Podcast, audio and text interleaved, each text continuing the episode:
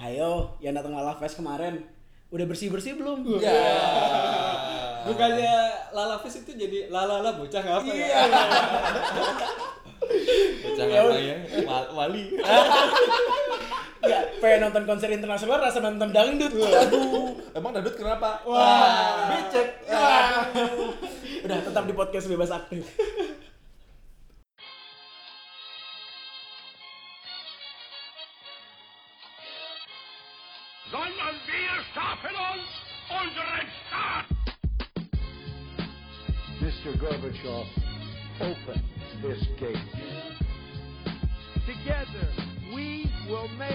America great again.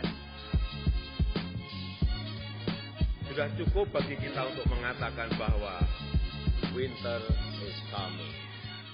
Oke, balik lagi di podcast bebas aktif bersama formasi awal Hafiz, Abid, Sofwan dan Ical. Kita di episode ini mau ngomongin apa? Kita ngomongin diplomasi musik. Mantap. Jadi sebenarnya musik itu bisa jadi diplomasi gitu ya. Iya, dan mempengaruhi politik internasional. Waduh. By the way, selamat datang kembali untuk Ica yang habis kita skorsing. Saya dulu. Iya, iya, iya. Anda tidak lucu. kita hukum ya. Selamat datang kembali Ica. Oke. Ngomong-ngomong soal musik nih, eh, lagi kalian-kalian lagi suka denger lagu apa? Pis lagi suka denger lagu apa, Mas? Kalau denger sih sebenarnya banyak ya, cuman kalau yang buat gue pribadi yang akan jadi all time adalah lagu-lagu British rock sih pasti British pop rock lah kayak misalnya pasti Arctic Monkeys, Oasis, yang kayak gitu-gitu sih yang selalu kalau misalnya aduh gue bingung denger lagu apa nah gue dengerin lagu itu. Tapi kalau misalnya dengerin sih sampai apa lagi cantik juga gue dengerin Wah. sih. Bukannya lu dengerin lagu di Spotify itu yang dibikin playlistnya sama cewek lu yang itu? lagi, lagi zaman mas. Jadi kalau lagi nyepikin uh, pasangan gitu, bikinin uh, playlist lagu yang kode-kode isinya di Spotify. Biar kodenya tersampaikan gitu ya. Misalnya ada itu ya apa? Eh, activity ya kalau Wah, Spotify iya, bener. Iya, iya, iya. Lo suka denger lagu apa sekarang? Ah, gua lagi ini nih, lagi Iya, kita cek playlistnya lagi lagi ya, gue gue emang ada di Spotify uh, lagi balik lagi ke masa-masa 2008 2009. Wah. Itu ada Lagu-lagu lagu-lagu warnet. Dirgot, dirgot. Apa itu Sevenfold? lagi lagi pengen banget ya. Mas Sofan suka denger lagu apa, Mas? lagu anime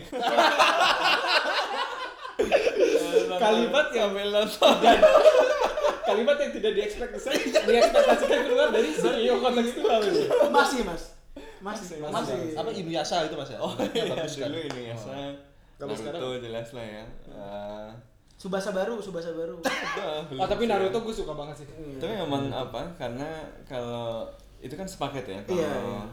kalau lagu ada konteksnya eh, ada lagunya ada ceritanya ada eh, videonya yang cuplikan-cuplikan eh, apa eh, animenya itu itu kan apa ya Inter- eh, membangun Semangat. eh, Iya, iya, maksudnya membangun ada- cerita gitu Lo lo ketika dengerin lagu ada attachmentnya Ah, gitu lo pasti sama- ketika dengerin lagu tuh menitipkan sesuatu di situ gitu. Kenangan atau apa gitu. Betul. Yang kalau lu dengerin lagi di lain waktu lo akan Tapi selain itu yang bikin sangat emosional ya ini lagu-lagu kebangsaan. Oh iya, lagu Terutama kalau kita lagi di nggak di Indonesia ya, Nah, kita baca-baca misalnya yang eh, tentang tanah tanah airku gitu. Iya, Mau nyanyi takut rusak. saya juga agak Saya concern segera tadi. hentikan saja. Lagu-lagu ADMS. Waduh. Waduh, ADMS. ADMS, Ya. eh. Valdo Maldini. Halo Valdo. Ada Valdo, ya. Akan Tapi ini juga terkait sama ini berarti ya diplomasi musik tuh terkait sama Korean Wave kemarin. Oh iya, kita sempat ngomongin. Oke, jadi kita hari ini akan ngomongin topik yang perlu dibahas juga sih diplomasi musik. Ini musik kan seolah-olah kita Abid take nanya-nanya granted. malah belum ditanya. Oh iya ya bener. belum Padahal jawab. baru mau ngomong dangdut pangtura. gua lagi suka denger em, hmm itu pertanyaan yang bagus tuh. Gua lagi oh mau di Ayunda dong. All time Yang mana, favorit. yang mana? Itu dia baru lagunya baru. Aku sedang mencintaimu piano Oh. version. Gue kira yang sakit. ada sobat Zara ada Marifa. dengerin, Iya. eh, dengerin kan lagi. Ya dengerin, dengerin itu bagus tuh. Saya download. Iya. Emang mau Dio Yunda ini ada apa sih sama Mas Abi? Itu- gua ngefans banget. itu termasuk kode-kode tadi kali. Fun fact-nya ya, fun fact-nya ketika kontekstual ingin muncul di YouTube, bintang tamu pertama yang diusulkan oleh Mas Abid adalah Mau dia ya gua fanboying mau Tidak dia jelas.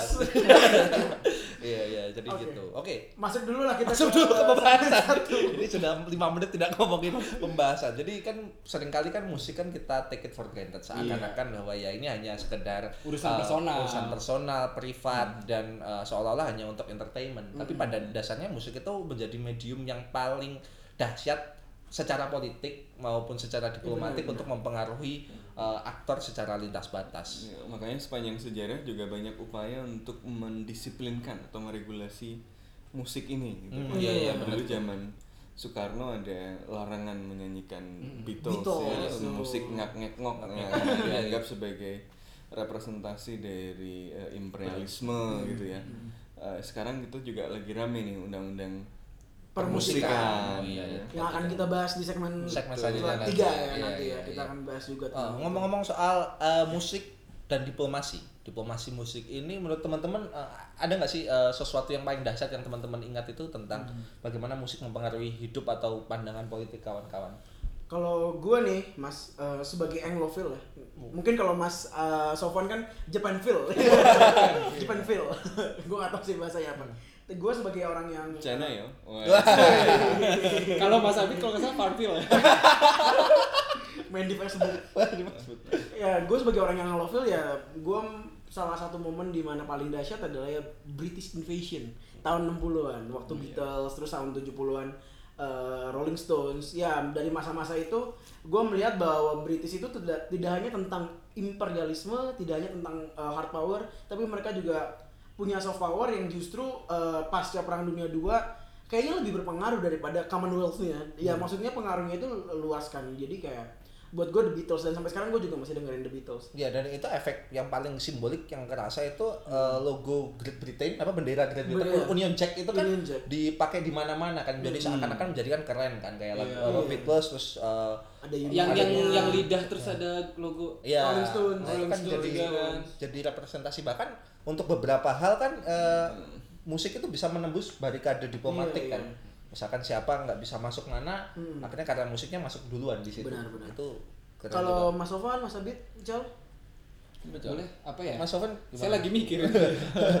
Iya. Oh, kalau kalau menurut saya sendiri sih eh, diplomasi musik ini punya efek yang dahsyat juga ya yang kadang-kadang nggak terfikirkan. Kalau di era agak-agak kita melihat ke masa lalu itu kan lagu-lagu di era perang dingin itu kan ada unsur-unsur apa namanya propagandanya Benar, ya? benar. atau kalau bahasa sekarang itu soft power atau strategic naratif nah kayak gitu. Misalkan lagu-lagu di eh, yang dibikin oleh blok timur atau Uni Soviet dan kawan-kawan itu kan semangatnya kan semangat semangat revolusioner bahwa selalu ada lawan yang dipertentangkan ya ini kapitalisme. Jadi kalau lihat misalkan lagu eh, lagu kebangsaan Uni Soviet wah itu kan glorifikasinya luar biasa dan dan waktu itu kalau nggak salah di zaman-zaman eh, perang dingin itu negara-negara blok timur itu bikin opera opera maupun orkestra yang itu menyemarakan lagu-lagu eh, yang sifatnya revolusioner Oh, atau ini apa Arirang? Arirangnya Korea Utara. Oh iya, Arirangnya Korea Arirang Utara. Korea Utara juga sering tuh kan eh, mereka ngundang orang luar, terus Iya. juga eh, mereka mempertontonkan itu di tempat-tempat di mana mereka bisa mempertonton mempertontonkan kan ke masyarakat lain. Betul. Jadi memang musik ini karena dia sangat personal pada saat bersamaan dia juga sangat political, Political. ya, karena eh, sesuatu yang sangat personal itu biasanya eh, malah memiliki dampak politik yang luas kan dia bisa menembus ya, batas-batas formal gitu. Iya. makanya eh, upaya-upaya nation building yang terjadi pas eh, periode pasca perang dunia kedua dikolonisasi itu juga diikuti dengan eh, apa upaya-upaya kultural untuk membangun semangat kebangsaan dengan munculnya lagu-lagu eh, nasional semacam itu gitu ya. Makanya di Indonesia sendiri eh, banyak lagu-lagu nasional yang dibangun eh, yang dimunculkan dan dipopulerkan pada waktu itu sebagai bagian dari upaya eh, ya menciptakan eh, perasaan bersama itu tadi gitu ya. Tapi pada saat yang bersamaan karena dia personal sekaligus politikal tadi disebutkan contohnya soal eh, bagaimana The Beatles itu mem- ber- tidak hanya mem- menyampaikan eh, apa kenikmatan bermusik saja tapi juga ada pesan-pesan ada nilai-nilai tertentu yang kemudian dalam di aspek tertentu oleh kelompok-kelompok lain misalnya malah dianggap sebagai representasi oh ini caranya eh, eh, imperialisme masuk. Ini caranya Inggris masuk tadi misalnya anak-anak muda di blok timur tiba-tiba pakai eh, apa Union Jack gitu kan. Nah ini kan eh, yang kemudian eh, banyak orang ada yang menafsirkannya secara politis ada yang melihatnya ya ini seni memang harus eh, justru terbebas dari itu gitu ya. Karena itu memang eh, menjadi hal yang menarik ya kontestasi soal eh, apa musik ini dan bagaimana musik digunakan nah itu the use and abuse ya of music in diplomacy Tapi Jadi- menarik sih tadi kata Mas Abid ya, kalau misalnya eh, katanya lagu-lagu di era-era perang dingin, gue jadi inget ada satu eh, lagu yang gue tahu dari Nine Gag nih. Oh.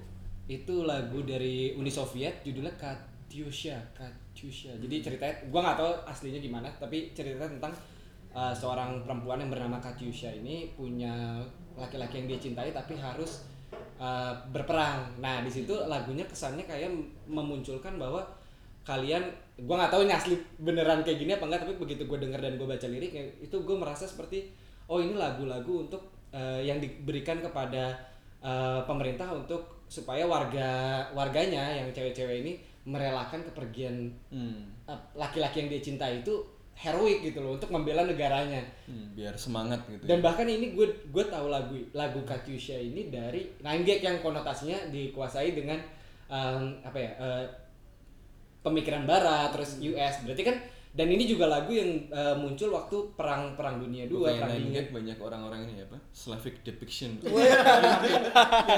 Tapi sekaligus ini membuktikan bahwa sebenarnya lagu lagu yang eh, tadi gue gue ceritain Katyusha ini memang punya eh, waktu yang apa ya tidak lekang oleh waktu gitu loh. Bahkan ketika konteksnya sudah ditinggalkan lagu itu masih didengarkan oleh banyak orang. Itu kan berarti mirip-mirip kayak apa sepasang mata bola itu Woi. silakan Mas. Christian. Tapi emang lagu ini ke- m- berpengaruh kali di hubungan antar negara-negara yang mungkin secara kultural memiliki kedekatan. Kayak Indonesia dan Malaysia misalnya atau Singapura ini kan eh, mereka budayanya banyak berdekatan gitu ya Eh, kan sampai ada yang bilang misalnya kalau eh, dulu pas konfrontasi itu sudah ada Siti Nurhaliza mungkin nggak jadi perang gitu. Wah, Iya, iya juga sih. atau malah jadi perang sih ganyang Malaysia selamatkan Siti Nurhaliza Eh, atau eh, tapi juga kadang-kadang bikin konflik karena eh, misalnya Indonesia sama Malaysia rame-rame itu soal siapa yang sebenarnya merupakan asal dari lagu rasa sayangi Oh, iya. dan eh, musik juga walaupun dalam eh, arti tradisional gitu ya kedekatan itu juga mulai dirasakan ketika kita dengar kabar nih eh, kalau misalnya lagu Shantik siapa yang nyanyi Siti Badriah. Ah, tiba-tiba dapat penghargaan, nggak tiba-tiba sih maksudnya. Iya. Dia mendapatkan penghargaan eh, dari Thailand waktu itu di Bangkok di award something, gue nggak tahu. ASEAN. Economic Community Award. Eh, ASEAN, yang enggak, ASEAN Economic Community yang Award. ke-15 lah intinya pokoknya Iya. gitu. Ada ke-15 15 nya nah itu jadi berkontribusi pada integrasi Regional. the best Keren. song di Asia Tenggara. skripsi ya? Skripsi. topik skripsi Ini juga berhubungan sama Dangdut Akademi Asia. Ah, iya itu iya. jago banget. Salah satu sobat kita di HUI, Sami Iya. Pakde jadi translator ya.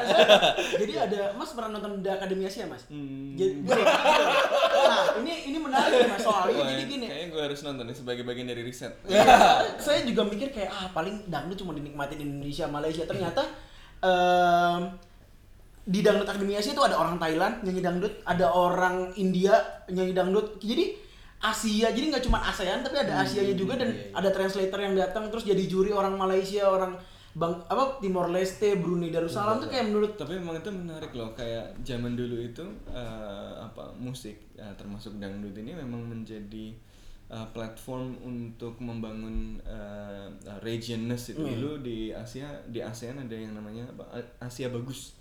Oh ada. Eh, jadi itu acara TV sore-sore. Generasi gap. Jepang kan umur. Saya diam saja. gue diceritain kakak gue sih. Gue gak punya kakak. Terus terus terus terus. terus. tapi itu jadi itu apa dari mana-mana gitu kayak kayak apa American Idol Indonesian Idol Oh, sekarang tapi ini dari oke, oke. negara-negara Asia. Asia, dari mana-mana dan dari situ sih gue merasa jadi ada attachment dengan oh kita ini satu kawasan loh sama teman-teman dari Thailand, Malaysia, Nah, itu Singapura, Brunei gitu ya. Jadi memang eh, ini tapi kok belakangan ini kayaknya agak jarang ya. Padahal itu berhasil loh. Kalau gue bilang berhasil, berhasil loh mas dilakukan di Eropa. Jadi Eropa itu uh, Uni Eropa itu punya namanya Eurovision Song Contest. Iya. Nah itu terkenal banget dan apa uh, hostnya itu pindah-pindah negara gitu. Dan itu apa namanya uh, walaupun di situ namanya Eurovision tapi ada peserta dari Israel. nah uh, apa itu salah satu yang meng- membuat membuat menarik kenapa Israel di situ Wah. ini political sih karena Ya. kan Israel kan tidak diterima di Asia Afrika kan Iya. dulu. dikaitkan dengan gerakan-gerakan politik. Asia Afrika itu Jadi jadi selalu ber- mempunyai makna politik sebenarnya membangun identitas bersama kayak ya ini se separalel dengan dengan eh, diplomasi di bidang lain kayak misalkan sepak bola. Misalkan salah satu ada buku tahun 90-an itu yang bilang bahwa yang menyatukan eh, Eropa itu bukan Uni Eropa atau European Community, tapi Liga Champion sama eh, kegiatan-kegiatan Oh, Liga. Champion. Betul. Liga Champion. Iya, Liga Champion. Liga Champion itu kan atau itunya kan ada anthemnya kan, Ya, lagunya. iya. Nah, itu kan pakai tiga bahasa kan. Iya, oh, Inggris, iya, iya, Prancis, iya, iya. Jerman. Jadi iya kayaknya orang lebih kenal itu daripada anthemnya EU ya Iya. Lebih kenal anthemnya Liga Iya. Champions Benar, benar. Jadi Saya ingin menyanyi, kan tapi saya tidak Iya, jangan jangan. jangan jangan jangan mikrofonnya sudah bergetar-getar Gatel gitu. Nah, jadi eh, lagi-lagi tadi bagus Nggak, banget. nanti dikasih background aja Iya. Oh iya, nanti dikasih tekanan. sebagai audio man. ding ding ding ding ding. Nah, jadi selalu punya makna politik dan, dan ada apa unsur pembangunan identitas bersama itu ya yang menurutku keren banget. Terus ngomong-ngomong soal eh, menentukan nation building dan kedekatan dengan negara lain itu ada salah satu hal yang menarik juga. Jadi eh, national anthemnya Belanda Hah? itu menyebut raja Spanyol. Untuk Oh iya, Jadi karena ada- kan itu ada ada, historis. aspek historis juga. Ada aspek historisnya. Dan beberapa Belanda kan perang lawan Spanyol. Dan bekas jajahan Spanyol. Pernah sempat. Iya. Hmm, dan beberapa negara itu juga masih menyimpan itu juga. Dan juga eh, musik atau lagu itu bisa jadi bermasalah juga.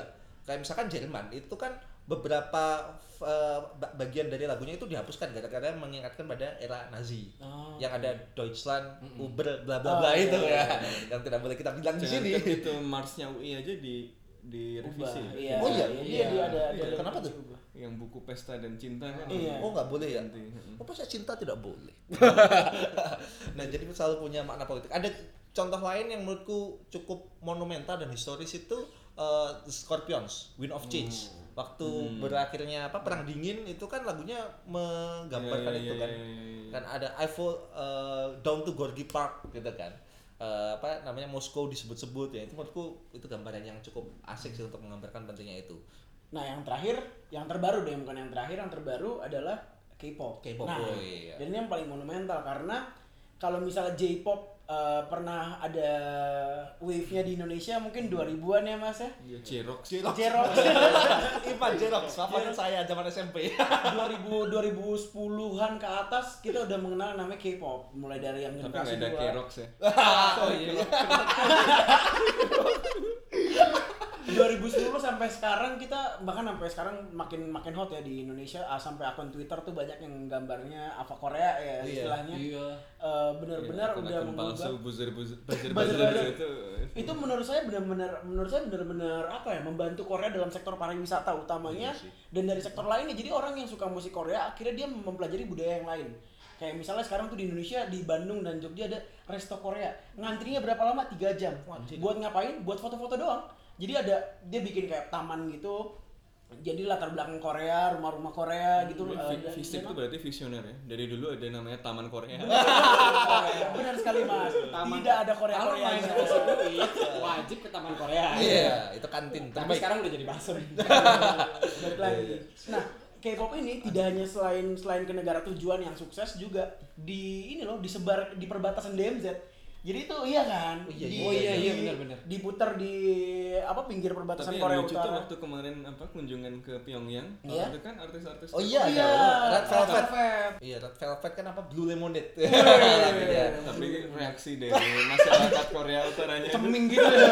Ya, kaku kayak kan itu ibu. menunjukkan bagaimana apa ya eh, konstruksi sosial, bagaimana apa sistem sosial suatu masyarakat itu berpengaruh juga pada eh, penerimaan terhadap satu artefak budaya tertentu ya, termasuk eh, K-pop ini gitu kan orang-orang di Korea Utara biasanya denger lagu-lagu patriotik anti Amerika gitu.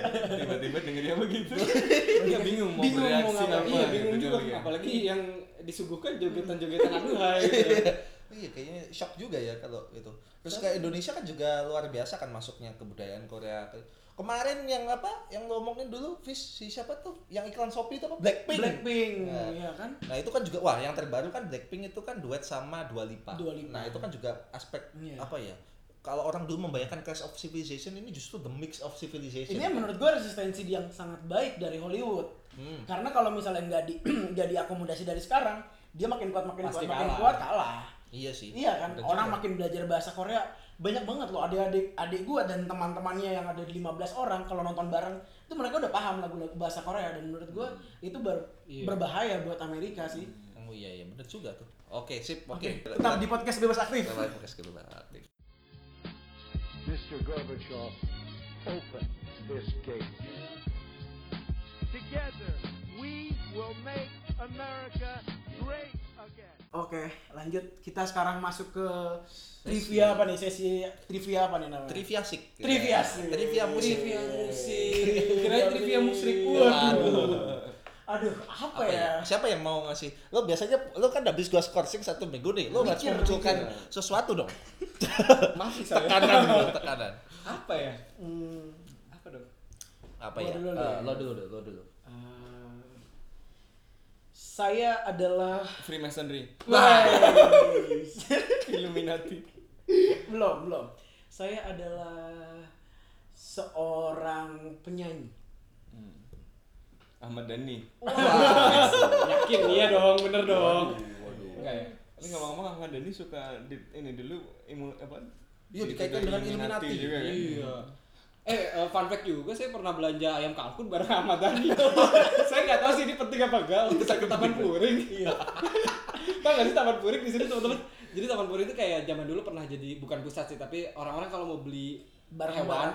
Oh, hewan bukan. tuh ah, hewan hewan hidup itu ke Taman Puring. Jadi waktu itu gue sama bokap gue ke Taman Puring. Oh, kayak itu pasti kalau di Indonesia. Pasti. Eh kalau di Indonesia, kalau di Jogja. Iya, iya, iya benar. Nah, Nah, terus gue ke sana. Gue mau pulang nih kondisinya. Gue ke sana dengan naik motor. Tiba-tiba saya melihat ada sosok yang sosok yang saya kenal itu duduk di motor saya gitu. Jadi men- mencegah saya untuk pulang. Gue pikir-pikir ini siapa ya? Mulan Jamila lagi duduk. Oh, di iya. situ. Oh. Kalau ada Mulan Jamila, ternyata tidak jauh dari situ ada Ahmad Dhani lagi eh, apa namanya? Nawar ayam kalkun. Tapi pas dibawa nggak kayak Mr. Bean kan ditaruh di kepalanya. Waduh. Saya tidak ikutan. Tapi ya udah itu fact aja. Ini bukan Ahmad Dhani berarti Lanjut, lanjut. Saya pernah bertanduk. pernah ada tanduknya. Apa? Orang apa? Unicorn le? yang online online gitu itu udah berapa kali? Gue pas ngedit ya yang online online itu tuh banyak banget di- diomongin. Apa yang bertanduk? PDIP? oke oke. Lagi lagi lagi Eh, lagu saya di tahun 2010 mengajarkan kita untuk eh, percaya pada diri sendiri. ADMS Valdo punya teman Valdo. Namanya Haikal. Le- Lady Gaga, Lady Gaga. betul. Aduh. Punya tanduk jadi dong. itu dia tahun 2000 ya tahun 2010-an waktu dia masih eh, seperti itu. Dia Seperti itu, dia- gimana? iya Oh, seperti itu. iya seperti itu. berdandan seperti itu dia itu kayak gue nggak tahu itu implan atau apa tapi dia konser video klip itu ada tanduk ya di sini nih di bahu di bahu tuh ada dua tanduk di sini beneran runcing runcing kayak tanduk itu Gimiknya. Iya luar gimmicknya luar biasa. Jadi gue biasa. gak tahu sih kemarin pas dia apa pas dia menang sama Shallow sama Bradley Cooper emang gak ada tanduknya di sini kan. Hmm. Tapi dulu itu ada dan bokap gue sampai mikir dulu ini beneran di clone apa di implan gitu atau gimana nggak tahu juga sih. Wah, menarik. gimmick penyanyi yang gue suka itu cuma gimmick Katy Perry yang pasang kembang api tau gak?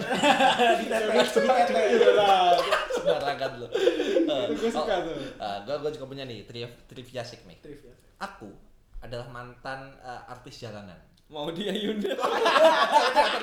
saya tidak terima, saya tidak terima. Aku adalah artis jalanan. Aku adalah orang Indonesia. Tiga. Eh, aku punya Asyik, reputasi internasional. Waduh. Lupa gue. Aku pernah menyanyikan lagu terkenal sekali di Eropa. Nggak tahu, nggak tahu, nggak tahu. Bentar, bentar, bentar. Bentar, bentar. Ini Nah, namanya gua, gua, dia. gua, gua, gua perjelas, gua Gua perjelas. lupa ya. Aku oleh orang-orang disebut mirip dengan Narji.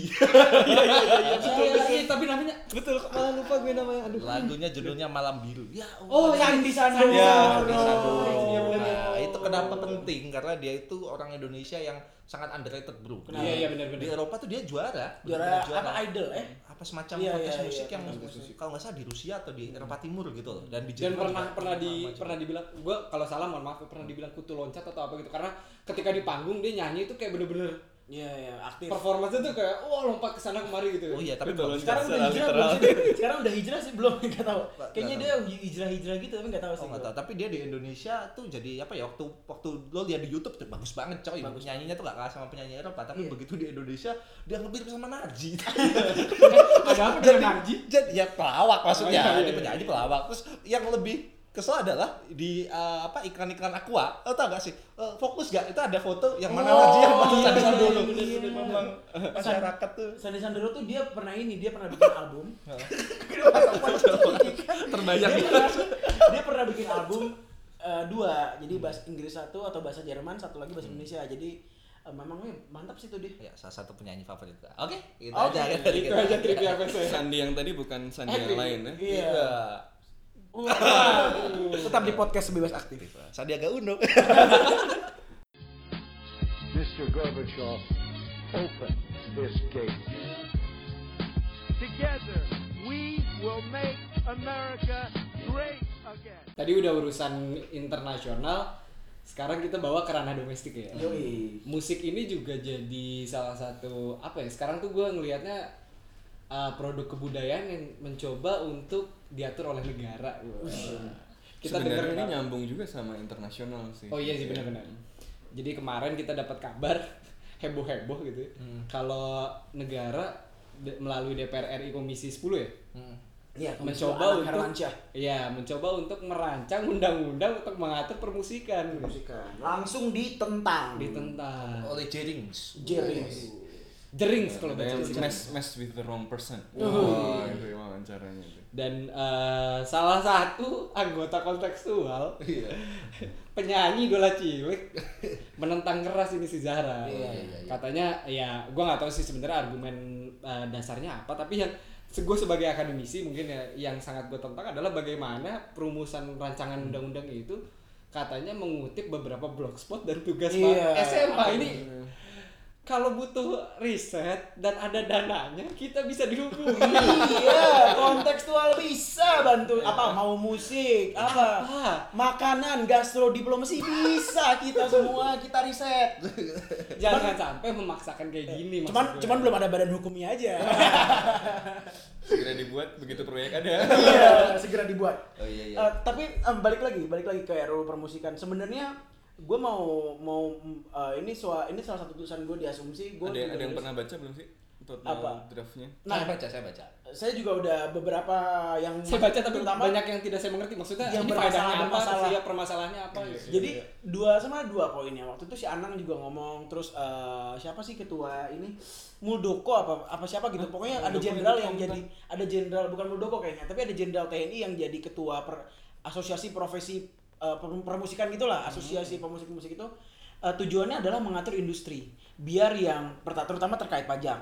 Terutama yang indie. Indie kan susah banget kan. Eh, masalah taxationnya tuh jadi ranah abu-abu. Juga. Nah, itu eh, siapa yang ngomong ada salah satu musisi indie menyetujui sebenarnya cuman memang masalahnya adalah ketika dia mau mengatur industrinya dia juga mengatur kontennya nah ini di- menurut eh, menurut para ratusan ribu pemusik dan pendengar musik bermasalah dan eh, menurut gue memang itu harus dibedakan sih antara industri dan eh, konten. Kalau menurut kalian? Iya, apalagi kan beberapa hari yang lalu kalau nggak salah itu kan uh, put aside ini ya RUU permusikan kan udah ke- kelar kan katanya kan di stop kan ketika Iya. Anang itu dipanggil sama dipertemukan sama Jering kalau nggak salah itu terus akhirnya udah di stop akhirnya kan RUU permusikan. Tapi yang uh, agak mengagetkan buat gue itu beberapa hari yang lalu KPI Jawa Barat kalau nggak salah itu kan bikin peraturan yang ada melarang 30 lagu itu untuk diputar Iya. di Bandung uh, di Bandung di Jawa Barat Enggak, kalau nggak salah membatasi lagu-lagu asing di Nggak, di Indone- radio. Indonesia juga bro itu katanya Oh, yang gitu? yang apa bernada vulgar yang berbau iya, negatif-negatif itu bolehnya diputar jam 10 sampai jam 3 pagi apa pokoknya dalam waktu tertentu aja nah artinya ini kan agak itu juga kan agak eh, agak kontroversial juga buat sebagian orang memang musik harusnya sesuai dengan norma-norma nih. Tapi di satu sisi ya namanya musik ini kan jiwa bebas orang kan ya karya dan karsa. Nah ini memang harus eh, ditata dengan baik sih. Kalau menurut Mas Sofan ya gimana? memang apa eh, ya tadi eh, musik itu kan tidak lepas dari konteks yang melingkupinya ya. Makanya eh, upaya eh, mendisiplinkan meregulasi musik ini ya selalu muncul ya eh, sepanjang sejarah sesuai dengan eh, kompetisi antar kekuatan-kekuatan sosial yang ada di masyarakat pada waktu itu ya tadi dari zaman orde lama saja kita sudah ada larangan, Larangan, untuk larangan. apa eh, dansa dansi nyanyi lagu ngek ngok gitu dan seterusnya Eh, apalagi di zaman sekarang di mana kontestasi nilai ini memang menjadi lebih terbuka kan melalui Iya sih. sistem demokratik jadi memang eh, ini kayak zaman dulu ada perdebatan antara apa yang seni untuk seni gitu, Oh, sama iya. sama yang eh, seni sebagai eh, ya bagian dari revolusi gitu Iya. kan Ya, dulu ada kelompok lekra lekra dan mandi mandi kebu gitu ya Eh, nah ini yang saya kira juga memang masih relevan juga gitu kan ada yang melihat seni sebagai bagian ya seni aja ekspresi Hmm. apa saja gitu ya sehingga eh, ya dibebaskan saja gitu tapi ada yang melihatnya sebagai eh, bagian dari sesuatu yang lebih besar sehingga dia harus diatur diarahkan dikelola sedemikian rupa jadi memang eh ya tidak lepas dari realitas politik itu Realitas saya politik. kira Oh, Nah, kalau- Sebelum itu sebentar, Ah. tadi gue mau klarifikasi. Jadi ketua Pa- PAPPRI, jadi itu Oh. profesi musik itu namanya AM Hendro Priyono. Oh, Jenderal Hendro Hendro Priyono. Jadi itu menarik tuh dia yang tadi bilang kalau misalnya kita cinta mendukung. sama kita cinta NKRI Nah, eh, kalau kita tarik, itu kan tadi kan yang ranah domestiknya mas. Kalau ditarik sebagai musik sebagai instrumen diplomasi itu sebenarnya bagaimana sih? Apalagi sekarang nih kalau nggak salah lagi akan berlang sedang atau akan berlangsung Ya, itu tuh. Java Jazz. Wih, Ada Johannes Manuel Koko Blue. nah itu gimana sih melihat eh, musik sebagai instrumen Ya, diplomasi keluar. Yang jelas kalau eh, instrumen Indonesia? apa, diplomasi itu kan eh, ya upaya untuk mewujudkan eh, tujuan nasional gitu ya. Itu Tanpa harus berperang gitu. eh, macam-macam. Ada ya eh, diplomasi tentu menggunakan instrumen non militer ya. Eh, ya salah satu yang eh, yang dipandang penting itu kan penggunaan eh, soft power attraction. Diplomasi kan bisa dilakukan dari spektrum paling keras coercion gitu ya sampai eh, persuasion. Ya, kalau coercion itu kalau nggak mau gue pukulin gitu ya. Uh, persuasion kalau lu mau melakukan ini gue kasih sesuatu. Atau ini yang sering disebut sebagai soft power ya attraction. Uh, bagaimana membuat orang lain pihak lain melakukan apa yang kita ingin orang lain itu lakukan tanpa kita harus menyuruh orang itu melakukan hal yang kita ingin orang lain lakukan itu gitu Hmm. caranya bagaimana ya caranya membuat orang lain itu em, ingin melakukan yang kita harapkan dia lakukan itu sebagai bagian dari keinginannya sendiri gitu ya. Ya, caranya bagaimana ya caranya dengan eh, salah satunya dengan memunculkan produk-produk budaya kayak itu kayak Korea misalnya dengan K-pop dia nggak perlu nyuruh orang Indonesia beli restoran beli makan di restoran Korea eh, atau nyuruh datang ke Korea gitu ya. Cukup eh, dengan begitu orang Indonesia sendiri yang kemudian akan berkeinginan untuk menyukseskan peningkatan ekspor Korea eh, dan macam-macam. Nah kayak gitu juga musik eh, dan berbagai produk budaya yang lain itu bisa dikapitalisasi oleh negara untuk menciptakan attraction. Makanya apa event-event internasional yang membuat Indonesia lebih visible dan eh, atraktif itu ya tadi bisa mempengaruhi attraction. Tapi selain attraction juga tadi eh, bisa eh, membangun eh, attachment eh, ikatan tadi. Kayak dulu ada ada di ASEAN itu ada namanya acara muhibah. Eh, muhibah ini tukar menukar musik ya kayak apa eh, Pasti ada singkatan. bersama Enggak. dan macam-macam nggak tahu mungkin ada bahasa Melayu Musik titian apa? ya Titian muhibah muhibah. gitu ya Oh, jadi gitu. eh, apa yes silaturahmi nyanyi-nyanyi gitu ya tapi ya dengan begitu mendorong eh, identitas bersama gitu ya sambil makan bareng durian gitu kan Wah. Asia Tenggara kan Iya, kayak iya, gitu. iya. Nah, tapi potensi potensi diplomasi musik Indonesia kalau menurut Mas Sofan gimana Mas? Kita kan kayak per- punya Anggun misalkan ya Hmm. ke mana-mana Sandi Sandoro tadi atau Rich Tiga, Agnes Monica, wah die hard fansnya tolong. nah ini Tolong dengarkan kita. kalau gue ngelihatnya ini sih Indonesia itu kayak sebenarnya musik-musiknya di kawasan Asia Tenggara ya lumayan influential kan. Iya. kalau kita lihat ke Malaysia itu lagu-lagu yang diputar juga banyak. Lagu-lagu Indonesia kan Sheila masih sering manggung di situ. Eh, kemarin siapa? Eh, Ahmad Dhani kan harusnya manggung di situ kan. Ya. Dulu nangis tuh. Nah, ya jadi sebenarnya apa eh, influence dari eh, ya Indonesia melalui eh, musiknya sebenarnya sampai di ya wilayah ASEAN juga gitu ya.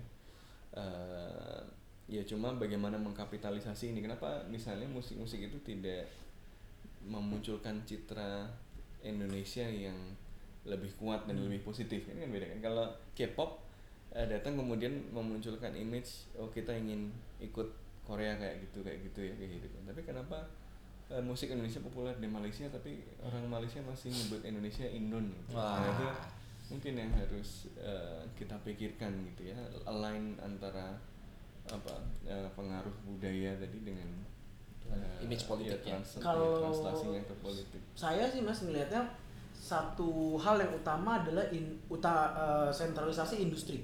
Jadi maksudnya apa? Kayak misalnya negara-negara sukses yang kita ambil contohnya Amerika, mereka punya Hollywood, musik Hollywood kan. Di Korea mereka punya cebol yang sebagai perusahaan apa yang industrinya, manufakturnya, tapi mereka juga punya entertainment, beberapa pro- eh, production house yang memang fokus untuk memproduksi K-pop apa yang kita suka gitu. Ya. Eh, K-pop apa yang orang lain suka gitu. Jadi mereka nyari oh yang seperti ini, mereka di train, dilatih. Jadi kan ada yang terinsi, ada latihan yang terinstitusionalisasi, terus industrinya juga tersentralisasi. Ada apa ya? Saya ngeliatnya tuh ada gambaran utama, ada ada gambar. Oh kita kalau ngomong K-pop tuh ini, oh kita tuh dengerin musik Hollywood tuh ini gitu. Oh kita ngomongin J-pop tuh yang kayak gimana? Atau misalnya Ya, lagu Emin, memang memang nggak lepas dari kekuatan industrinya sih. kekuatan Jadi, industrinya. eh, musik itu ya bagian dari industri budaya. Benar, industri benar. butuh eh, capital juga, butuh modal, butuh Hmm.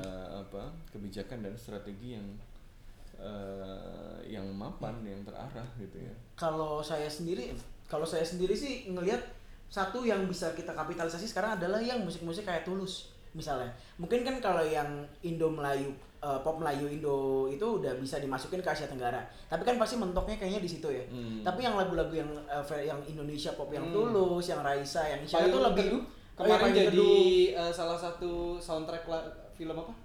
Eh, tolong eh, itulah itulah Kalau ya. lupa saya tolong diingatkan di Instagram kita ada salah satu eh, lagu payung teduh yang jadi soundtrack di salah satu film animasi Iya, Di- Payung Teduh kan pernah dinyanyikan Rihanna ya. oh, iya. Ella, Umbrella. saya resign dari konteks ya. Eh, ya menurut gua apa yang dibilang Hafiz itu juga eh, penting juga sih untuk jadi PR eh, diplomasi publik Indonesia ya Kementerian Luar Negeri Garda. Republik Indonesia. Iya. Eh, karena untuk mulai memikirkan bagaimana eh, ada dip- strategi diplomasi publik yang keren yang bisa membawa katakanlah minimal lah musik Indonesia ke luar negeri dan itu mungkin bisa diattachkan dengan katakanlah outbound investment misalkan kayak yang dilakukan oleh Cebol tadi. Jadi Iya. Cebol punya industri besar yang sifatnya ekspansif ke luar negeri serta membawa musiknya apa. Membawa musiknya. Menurutku itu juga akan memudahkan juga proses katakanlah kalau orang Indonesia atau uh, badan usaha Indonesia Backcraft lah, backcraft. Hmm, heeh. ya memang industri kreatif lagi dibangun ya. Cuma kita belum tahu juga nih seberapa jauh pengaruhnya ini. tapi ya lagi-lagi strateginya yang memang harus dilakukan dengan penelitian yang baik. Benar kalau butuh penelitian. Oh untuk Kita- kita jadi jualan. jangan jangan mempermalukan diri sendiri lah. Maksudnya iya. masa ngutip-ngutip dari blogspot itu kita saja itu jadi dosa besar gitu loh. Aduh. Ya, jadi itu itu PR untuk kita semua sih. Dan dan kita semua kayaknya sebagai masyarakat Indonesia kalau kita keluar negeri gitu juga bisa sih sambil denger dengerin musik itu kenal kenalin ke masyarakat sana Kemarin itu jadi- kayak apa? Ran bikin lagu versi Jepangnya gitu. Oh, lagu iya. itu? ah nggak tahu juga deh Iya juga sih Di Jepangnya. iya tapi Eh, memang eh, apa si Tulus juga bikin lagu berbahasa Jepang kalau nggak salah. Oh, yang keren. sepatu itu. Yang keren itu Korea kemarin dia bikin namanya satu eh, Mama Awards. Mama Awards itu dia itu hebat. Dia bikin awards tadinya cuma buat Korea, buat artis Korea. Di sekarang dia bikin awards buat the best artist in Indonesia yang dimenangin sama eh, siapa yang idol? Marion Jola. Marion Jola. Jadi Oh, gue inget. jadi jadi eh, Cina juga dikasih Tiongkok juga gitu Eh, negara lain kayak Thailand best artis Thailand tapi buat apa jadi legitimasi bahwa Asia Pasifik gitu yang best artisnya di mereka yang punya award terbaiknya gitu jadi nggak cuman nggak cuman masalah dikirim ke sana tapi ada juga eh, pengakuan dari mereka tentang artis yang ada di sana memperkuat juga itu kan itu strategi yang bagus. Dan Strategi ini juga bagus. sekaligus membuktikan kalau sebenarnya RUU permusikan kemarin itu sebenarnya langkah yang agak blunder. Iya. Karena gue paham eh, dengan memberi apa membuat atau mengatur dalam undang-undang itu berarti ingin menegaskan kehadiran Negara. negara, dalam eh, menerapkan kepentingan nasional di setiap produk-produk kebudayaan, which is nggak salah sama sekali gitu loh. Dan ini dilakukan sama K-pop dan misalnya US dengan Hollywood. Nah, tapi kan kalau mereka kan caranya halus ya gitu. Kayak ma- eh, pasti di Hollywood atau pasti di eh, apa namanya? eh, produk-produk kebudayaan Korea tuh ada ada sesuatu yang menjadi tolak ukur nilai, ada aturannya. Tapi mereka dibuat dengan dengan cara yang lebih baik gitu, nggak tiba-tiba bikin RUU permusikan. Nah, mungkin kita bisa mengatur strategi kita dengan berkaca kepada mereka. Oh iya iya, ya personalnya gue juga setuju tuh daripada mengatur apa membatasi dalam tanda kutip membatasi musik-musik Indonesia, mending negara hadirnya itu ber- berupa suportif. Misalkan KBRI KBRI ngundang pemusik-pemusik Indonesia, melibatkan eh, pemusik Indonesia, membantu pemusik Indonesia untuk tampil di festival musik di negara Nah, setempat. gue jadi kepikiran maksudnya gini loh. Kalau lo emang pengen menyaring mana konten-konten yang baik dan bisa mewakili Indonesia, kenapa nggak lo memberikan eh, insentif bagi untuk konten-konten yang Iya, baik untuk konten. Jadi orang-orang tuh bukan dibatasi tapi dikasih eh, Iya. stimulan. ah, stimulan buat eh lu kalau mau produksi yang kayak gini gitu loh. Oh iya, Itu kan jauh lebih menarik. lo ingetnya duit gue nah gitu kan Nah, ini semakin cerdas ya. Makanya kalau butuh penelitian gitu. Dah, kita tutup aja. Jangan Mantap. lupa follow kontekstual. Eh, eh, sebelum kita tutup kita ada gimmick dong. Oh, Eh, iya. eh, satu lagu rekomendasi untuk pendengar kontekstual. Eh, Dari Ical. Saya kalau kangen sama 2008 2009 Hmm. dengerin Katy Perry yang The One That Got Away. Waduh. All this money can can buy me time machine. Waduh. Mas Afan? apa ya Eh, Rekomendasi? Anime nggak apa-apa mas. Anime nggak apa-apa. Kita terima kok. kita terima kita punya si oh yang mencintai anime. Tidak aja yang ngejudge. hmm, sekarang apa ya Eh, belum ada sih Belum ada. Iya. Oke. Eh, tadi gue mau saran apa? Lupa jadinya. Oh ini eh, Solo by eh, Jenny Kim. Jenny Blackpink. Iya. Oh iya iya. Kalau gue eh, lagunya Pamungkas. Apa tuh? I love you but I'm letting go. Ini kode untuk siapa? ini sebenarnya pertanyaan terakhir ini bukan apa maksudnya yang terakhir ini Tidak tidak penting, camping Mas Abi. ya, makanya gue tadi nggak nggak kepikiran. apa pak nanti mengaburkan pesan yang penting ini. Buat yang Tolong. namanya Abid dan temennya yang di sana ya, tolong tolong ya, pahami ya Oke. oke, oke. Jangan lupa kita follow at kontekstual.com. Kalian follow. Follow juga nih Spotify. Follow akunnya. Buka juga kita di YouTube kontekstual media. Oh, iya, sebentar lagi akan ada konten-konten menarik di Kita akan channel uh, YouTube kita. mengejar target kita untuk berapa berapa berapa subscriber? Tadi aja. Satu juta. Oh. Dikit lagi, Target kita sih ngalahin T-series. Oke, udah, udah, udah. udah.